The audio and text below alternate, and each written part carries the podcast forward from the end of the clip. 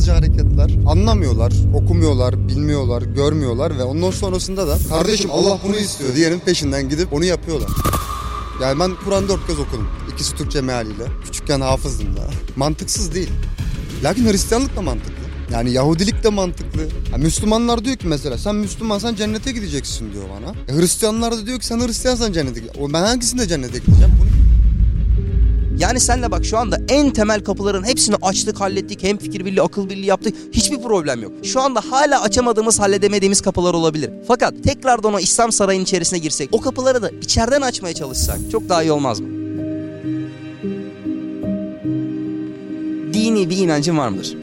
Değilsin ben kardeşim. Ne kadar süredir? Hmm, Beş, beş buçuk yıl kadar oldu. Yani önceden Müslüman herhalde değil mi? Evet önceden Müslümanım. Müslüman bir ailenin çocuğu olarak. Adım da Ramazan. Genelde zaten Türkiye'de hani hep Müslüman halde sonradan dönüş oluyor da. Şeyi soracağım hani 5 sene önce 5,5 sene önce ne yaşadığında artık hani yok ya İslamiyet'i ben doğru bulmuyorum. Deizm bence haklıdır deyip hani dinin değiştirme kararı aldın onu merak ettim. Günümüzde dinin baskıları açık. Hani insanlar dini kullandırmaya çok müsait. Anlamıyorlar, okumuyorlar, bilmiyorlar, görmüyorlar ve ondan sonrasında da kardeşim Allah bunu istiyor diyenin peşinden gidip onu yapıyorlar. Ve bu çok hani aslında Kur'an'ın ilk emrinin tam zıttı. İkranın. Okunun tam zıttı. Bağnazca hareketler. Okuduk, araştırdık. Yani ben Kur'an dört kez okudum. İkisi Türkçe mealiyle. Küçükken hafızdım da. Hafızdın. Aynen. Hani mantıklı. Mantıksız değil. Lakin Hristiyanlık da mantıklı. Yani Yahudilik de mantıklı. Tamam ama mesela ben niye Yahudi olamıyorum sonradan? Neden Yahudi de olmak zorundayım? Ya da Müslüman oldum. Neden sürekli ibadet etmek zorundayım? Neden Allah'ı sürekli zikretmek zorundayım daha güzel işler yapabilecekken? Ya da ne bileyim aç kalmak. 30 gün aç kaldım. Akşamına tıka basa yemek yedim. Fakirin halini bana nasıl anlatacak ki ben Müslüman olayım bu ibadeti yapayım? İşte bu tarz sebeplerden dolayı gördüm ki yani herhangi bir din benim için mantıklı gelmedi. Ha, Müslümanlar diyor ki mesela sen Müslümansan cennete gideceksin diyor bana. E, Hristiyanlar da diyor ki sen Hristiyansan cennete gideceksin. O Ben hangisinde cennete gideceğim bunu bilmiyorum. Hangisini kabul edeyim mesela? Hangisi daha mantıklı diyorsun? İstersen şöyle bir şey yapalım. Dünyada toplam mezheplerle beraber 4300 tane din var. Çoğunluğu Hindistan'da bulunmakla beraber. Ha, bu 4300 din içerisinden neden İslamiyet ille o doğru olan din olmalı deyip senle mantık süzgecinden geçirerek dinleri bir elemeye başlayalım istersen. Olur neden olmasın tabii. Yaratıcıyı kabul etmeyen görüşler var. Yaratıcıyı kabul eden dinler var. Şimdi ilk başta bir yaratıcı var mı yok mu? Buradan yola çıkmamız lazım. Temelde şöyle bir şey var. Fizikte ortada var olan bir iş varsa bu iş yapabilecek potansiyel bir güç olmak zorundadır diyor. Çünkü fail muktedirdir. Yani ortada bir fiil varsa bu fiili yapıyor olarak gördüğümüz failin o fiili yapmaya gücünün yetmesi lazım diyor. Fizikte çok temel bir kaide. Gayet de makul ve mantıklı. Evet. Mesela şurada bebek olsun. Bebek emekliyor. Karnına bir ip bağlanmış. Arkasından kocaman Türk Hava Yolları'nın uçağını hareket ettiriyor olarak görüyoruz. Yani bebek emekledikçe uçak arkasından hareket ediyor. Şimdi şu kafamızdaki 576 megapiksel iki tane lensle bir nevi kamerayla yani kafa gözümüzde olaya bakıyoruz ve burada bir fiil var. Fiil ne abi? Uçağın hareket etmesi. Fiilin failini bebek olarak görürüz ama burada akıllı gözümüz devreye girip de ya bu bebekte bu uçağı çekecek yani bu fiile muktedir olacak bir faillik yoktur. Buna gücü yetmez. Burada başka bir fail vardır. Ne bileyim içeride bir pilot vardır gizlenmiştir onu görmüyorum. Veya içeride belki mekanik bir sistem yapmışlardır deyip bu fiilin faili olarak başka bir fail arar mıyız aramaz mıyız? Elbette ki ararız. Çünkü mantık bunu söyler değil mi? Yani kafamızdaki göz bebek yapıyor dese de akıl göz yok kardeşim. Bunda bunu yapabilecek güç yok, donanım yok, özellikler yok. Başka birisi olmak zorundadır deriz değil mi? Aynen öyle. Şimdi aynı bu örnekteki gibi de mesela ikimizin ortasındaki bir hava atomunu düşünelim. Hava atomu ilkokul 3. sınıf sorusu. Maddenin en küçük yapı taşı. Atomda hayat var mıdır? Atomda hayat yoktur. Maddenin en küçük yapı taşıdır. Hayat yoktur. Hayat olmayan da zaten ilim olmaz. Bir bilgi donanımı olmaz. İlim olmayan irade olmaz, kudret olmaz. Yani hayat, ilim, irade, kudret atomda yoktur. Ama bu hayat, ilim, irade, kudret olmayan atoma baktığım zaman şu anda bu atom benim sesimi sana eksiksiz bir şekilde aktarıyor. Ve aynı tonla, aynı şiveyle, aynı lehçeyle hatta tonlamın bile aynı yaparak sana aktarıyor buradaki hava atomu. Beni buradan çıkar 8 milyar insanı sırayla buraya koy. Onlar sana kendi dillerinde başka başka bir şeyler anlatsınlar. Bütün insanların kendi ses tonlarında, kendi dinleriyle, kendi lehçesiyle sana aynı seslerini aktaracak mı? Evet. Şimdi bu hava atomu aynı zamanda havadaki uydu sinyallerini, aynı zamanda radyo frekanslarını, aynı zamanda ışığı, fotonu eksiksiz şekilde şu anda sana aktarıyor mu? Yani şimdi bilimsel olarak yaklaşacaksak aslında hava atomları ışık fotonlarını biraz kırarlar. Aynı şekilde görmeyiz. Tıpkı güneşi sarı gördüğümüz gibi. Lakin teoride senin dediğin mantıkla haklısın. Çünkü e, havadaki akımını illa atom üzerinden yapacak. Bunu da hava atomu üzerinden sağlar ama dediğin gibi kırılır. Ondan dolayı beyaz yerine sarı görürüz güneşi. olur. Evet yani teoride haklısın. uydu frekansları olsun, radyo sinyalleri olsun. Hani burada gene bir fiil görüyorum. Hem de acayip olağanüstü fiiller. Ama bu fiillerin fail olarak kafamdaki gözle baktığım zaman bir hava atomunu görüyorum ve onda hayat yok, ilim yok, irade yok, kudret yok. E burada da az önceki bebek örneğindeki gibi. Ya kardeşim bu atomda da bu fiilleri yapabilecek yeterli donanım yok. Bu bunların faili olamaz deyip burada da akıl gözümüzü devreye sokup bunların hepsine gücü yeten, hayatı olan, sonsuz sonsuz ilmi iradesi ve kudreti olan bir yaratıcı bunlara bu işleri yaptıracak bir zat olmak zorunda değil mi? Elbette zaten ben hani Tanrı'nın var, varlığını reddedecek kadar aklımı oynatmadım henüz. yani sonuç olarak hani o hava atomu tamam bu işleri gerçekleştiren fail fakat o faili oraya yerleştiren bir kudret de olması gerekir. Yani temelde işte bu faile baktığımda bu faili yapabilecek özellik yok. Bunlara bunların hepsinin gücü yeten bir fail olması lazım. Yaratıcıdır diyoruz. Burada o zaman yaratıcıyı kabul etmeyen bütün dinleri eledik. Yaratıcıyı kabul eden dinlerle devam ediyoruz 4300'den. İşte bazı Yunan dinleri var. Eski biraz da antik dinler. Ne işte bunlar? Mitolojik varlıklar. İşte Zeus'tur, Poseidon, Ra, Hades gibi tanrılayan çok tanrılı inançlar var. Ve tek tanrılı inançlar var. İşte bunlardan hangisini seçeceğiz? Temelde gene şöyle bir örnek vereyim. Bir ülkede iki tane cumhurbaşkanı olsa karışıklık çıkar mı? Elbette ki fikir ayrılıklarından dolayı karışıklık çıkacaktır. Bir okulda iki okul müdürü olsa. Yine karışıklık çıkar. Değil mi? Yani bir belediyede iki belediye başkanı olsa. Yani zaman zaman aralarında kavga ederler. Sonrasında bu kar- e, bu kavgalar, tartışmalar halka yansır. Yani illaki daha çatallana çatallana devam edecek diyorsun. Ya düşünsene basit bir hani şehirde bile iki tane yönetici olduğunda iki tane tam yetkilere sahip birisi onunla karışıklık çıkarken düşünsene bütün şu alemlerin yaratıcısı bir değil de birden fazla olsa yani çok tanrılı çok yaratıcılı bir alem olsa o zaman düşünsene birisi seni yaratmak istiyor diğeri istemiyor. Birisi kadın biri erkek yaratmak istiyor. E, birisi sarışın biri esmer biri kumral yaratmak istiyor. E, birisi 1.80 diğeri 2 metre yaratmak istiyor. Birisi bugün yağmur yağdırmak diğeri bulutlu yapmak diğeri kar yağdırmak diğeri başka güneşli olsun istiyor. Ya anında bütün alem karışır mı? Elbette ki karışır. Ama bakıyoruz ki alemde hiçbir karışıklık yok. Her şey intizamlı, nizamlı bir şekilde devam ediyor. Tam bir düzen ve ahenk içerisinde. O zaman çok tanrılı dinleri de burada mantıken eleyip tek tanrılı dinlerle devam etmemiz gerekmiyor mu? Evet yani sonuç olarak tek bir akıl birden fazla el olduğunu görüyoruz. O zaman hem yaratıcıyı kabul eden hem de tek tanrılı olan dinlerle, tek ilahı kabul eden dinlerle devam ediyoruz. Peki yaratıcı tek başına yeterli midir? Mesela örnek veriyorum. Bir tane antika sergisine gittiğimiz zaman şurada bir tane sandalye olsun. Bu sandalye eğer orada bir rehber gelip bize o sandalye hakkında bilgi vermezse biz ona normal bir sandalye fiyatı veririz ve deriz ki yani 50 liralık 100 liralık bir sandalye deriz. Ama oraya bir rehber gelse dese ki bu aslında Fatih Sultan Mehmet Han Hazretleri'nin sandalyesidir dese. Bir anda onun kıymeti artar ve o bir mana kazanır bizim için değil mi? Daha farklı boyuta gelir. Ya aslında şöyle bir şey var hani mesela atıyorum bir rehberin gelip onu söylemesi yerine o tahtın önüne açıkça herkesin anlayabileceği atıyorum birkaç dilde ya da bütün dillerde oraya açıklama yapılırsa bir rehbere ihtiyacın kalmayacaktır. Ama tabii ki eğitimsiz cahil insanlar için de ihtiyaç. Okumada bilmeyen bir insan için mesela değil mi? Evet o zaman da rehberlere ihtiyacın olur. Burada makul olan zaten o sergi salonundaki o antika sanatları bize bir tanıtan bir rehberin olması ki yaratıcı bu yarattığı bir nevi sanat salonunda, sergi salonunda yarattığı sanat eserlerinin bize mahiyeti bildirilsin ve anlatılsın. O yüzden bu manada bir nevi rehbere ihtiyaç yok mudur? Yani bir nevi öğretici diyelim, aktarıcı diyelim, bir nevi rehber diyelim. Bu noktada da bir öğreticiye, bir rehbere ihtiyaç yok mudur, var mıdır? Rehbere ihtiyaç vardır tabii ki rehberinde iyi eğitilmiş ve herkese hitap edilecek düzeyde olması gerekir. Şimdi, şimdi burada peygamberi öğreticiyi kabul etmeyen dinleri de eliyoruz. Bir diğer meselede de kainatta neye bakarsak bakalım her şeyin bir kullanım kılavuzu var. Mesela işte bir telefon aldın yanında hemen kullanım kılavuzu geliyor. Araba aldın aç torpidoya kullanım kılavuzu. Klima aldın kullanım kılavuzu. Buzdolabı aldın fırın aldın kullanım kılavuzu. Şu üzerindeki elbisenin bile bir kullanım kılavuzu var. Onun içindeki etiket aslında bir kullanım kılavuzudur. Mesela işte örnek veriyorum Apple firması o aldığın iPhone'un yanına kullanım kılavuzunu koyarak diyor ki bunu benim mühendis ve teknisyenlerim üretti. Bunun en iyi nasıl kullanılması gerektiğini de ben bilirim. Bak bildiğimi de sana bildiriyorum. Anlamadığın bir şey olur yapamadığın bir şey olursa buradan bakarsın diyor. Temel mantığı budur değil mi? Doğrudur. Şimdi aynı bu meseledeki gibi şu basit sanat eserlerinin bile bir kullanım kılavuzu varken bunların hepsinden milyarlarca kat daha sanat olan bir insanın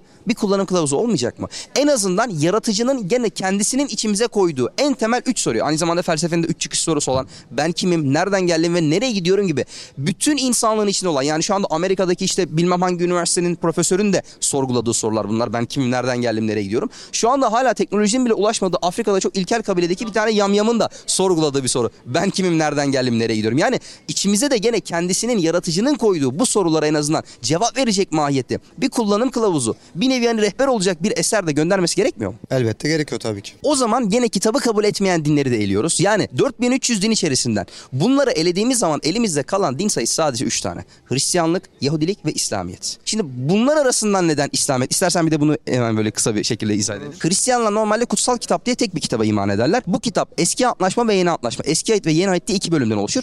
Onun yeni ayet kısmına İncil denir. Eski ayet kısmı içinde Tevrat ve Zebur da vardır. Bir de peygamber kıssalarının anlatıldığı bölümler vardır. Yani temelde Yahudiler ve Hristiyanlar bir nevi ortak kesim kümesi olarak ikisi de Tevrat'a iman ederler. Tevrat'ı çürütürsek eğer şu anda Hristiyanlıkta Yahudilikte ikisi de eğlenmiş olur. Tevrat okudun mu daha önce? Tevrat'ın on emrini e, yaklaşık 8 sene önce falan bir kez okuma şansım oldu. O kadar biliyorum ben detaylı bilmiyorum Tevrat'ı. Oradan istersen birkaç tane örnek vereyim. Şimdi temel bir mantık yürütecek olursak. Mesela yaratıcı var ve peygamber gönderecek. Sence bu peygamberin nasıl özelliklere sahip olması lazım? Mesela en başta bana kalırsa hani ahlaki açıdan, fazilet anlamından, edep anlamından hani insanlara örnek olacak, idol olacak bir insan olması lazım. Hani bu çok temel bir kaydı. Başkasının ırzına namusuna laf etmemelidir, hani ona bulaşmamalıdır. Veya örnek veriyorum hani e, doğuştan zeka engelli birisi olmaması lazım. Hani geri zekalı dediğimiz hani gabi dediğimiz insan olmaması lazım. Hani aklının, fikrinin, hikmetinin yerinde bir insan olması lazım değil mi? Karizmatik olması lazım. Yani insanları etkileyebilmesi gerekiyor. Ama örnek veriyorum peygamber kısalarından dediğim gibi biraz örnek verecek olursak mesela Tevrat'ta Nuh Aleyhisselam bana ayyaş, alkolik, gece sabaha kadar içen hatta içince sapıtıp direkt ayetlerde geçiyor bu. Üzerindeki kıyafetleri tamamen çıkartıp çırılçıplak bir şekilde çadırın içinde koşturmaya başlıyor. Ve evlatları onun bu halinden hani hayasızlığından utanıp üzerini yorganla örtmeye çalışıyorlar. Bir düşünsene sabahtan akşama kadar içen bir peygamber ayyaşlıktan hani böyle bir de sapıtıyor. Acayip hareketler yapıyor. Sonra sabah kalkıyor geliyor diyor ki halka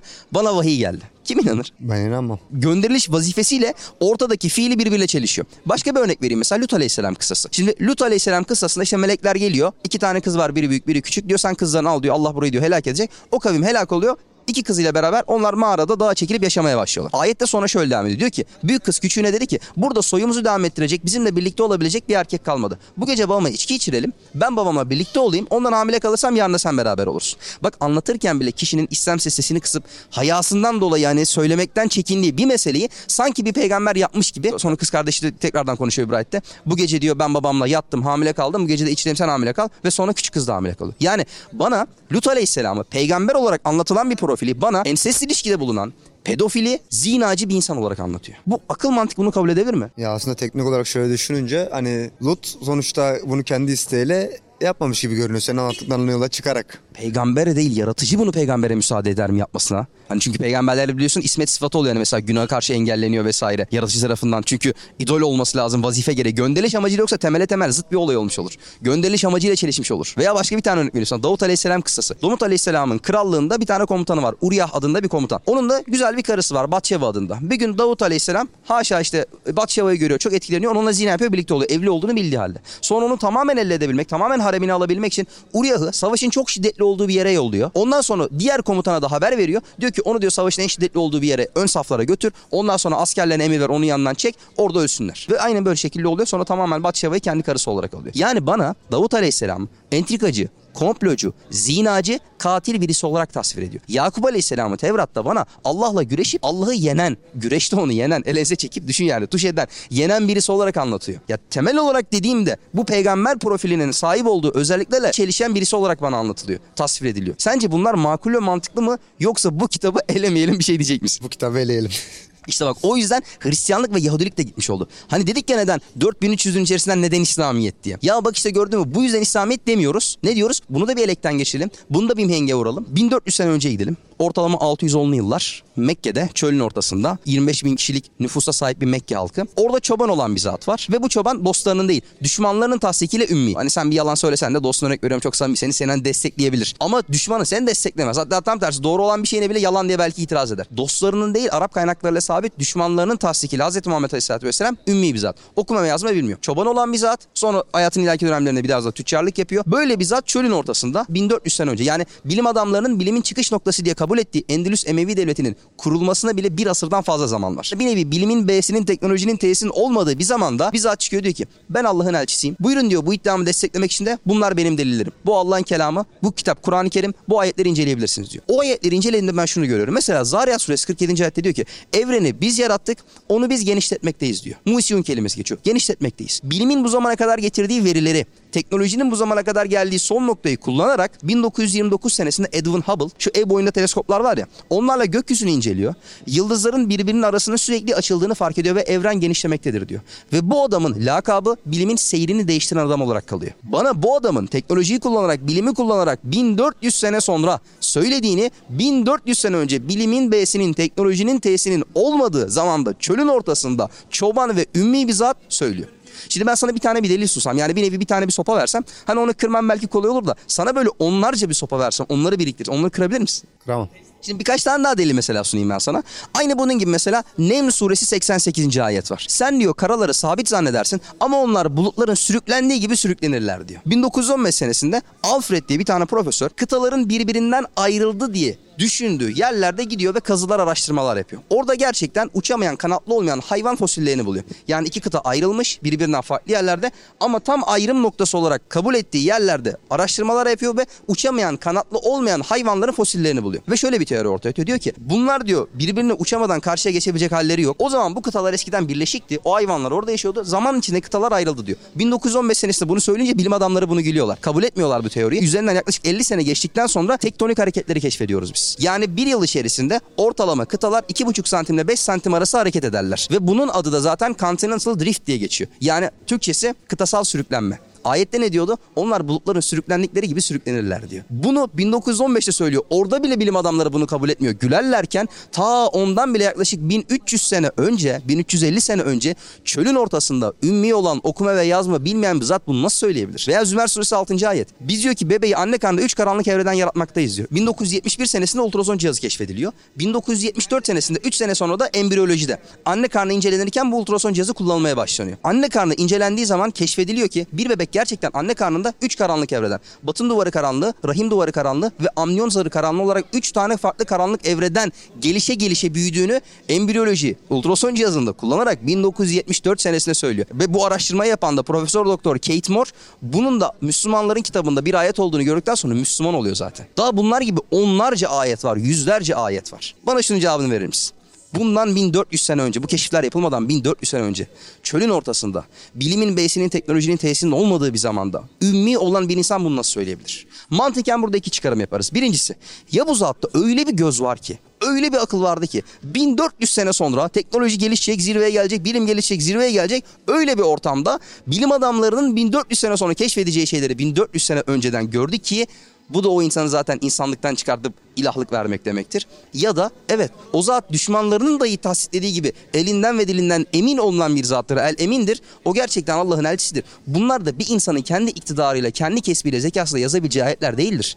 Bunlar da yaratıcının kelamıdır. Bu yüzden İslamiyet'ten temelde ben onu söylemeye çalışıyorum. Böyle tane tane eleyerek gittiğimizde hem akıl hem kalp daha tatmin bir şekilde devam ederiz aslında. Ne düşünüyorsun? Seni tasdikliyorum çünkü cidden eğer bilim olarak bakacaksak ve ilim olarak bakacaksak İslam dini diğer dinlerin hepsinin üzerinde. Fakat şöyle de gerçekler var. Şimdi Bak fakat dersiniz yok sıkıntı yok. Röportajda uzadı diye hakkını helal et. Ben şunu demek istiyorum şimdi temelde. Abi şöyle bir örnekten düşünsen. Senle uçurum kenarındayız. Dışarıda fırtına var. Yani dışarıda durmanın kimseye bir kârı yok. Karşımızda 100 kapalı bir saray var düşün. Bu sarayın 99 tane kapısı kapalı. Sadece bir tane kapısı açık olsa. Bu saraya girilebilir mi girilemez mi?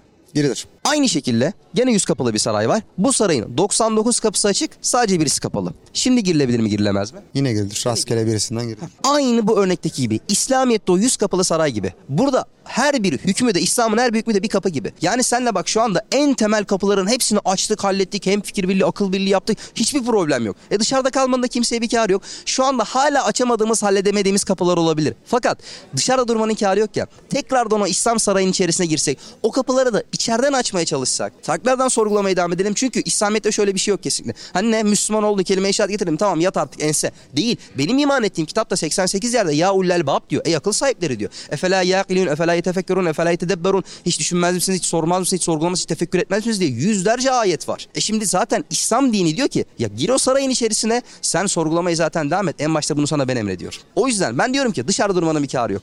Ölüm, ecel her an gelebilir. Senle gelsen o sarayın içerisine girsek araştırmaya kesinlikle hatta daha tempolu bir şekilde tekrardan kaldığımız yerden devam etsek çok daha iyi olmaz mı? Ee, Fatih'im şimdi şöyle yapalım. Ee, ben şimdilik teklifini kibarca reddedip uçurumun kenarında kalıp düşünmeye devam edeyim. Ama söylediklerini göz önünde bulundururum. Elbet bu videoyu da izlerim. Kanalınıza abone oldum zaten. Çok memnun oldum abi. Sarılabilir miyim? Allah razı olsun abi. Eyvallah. Çok sağ ol.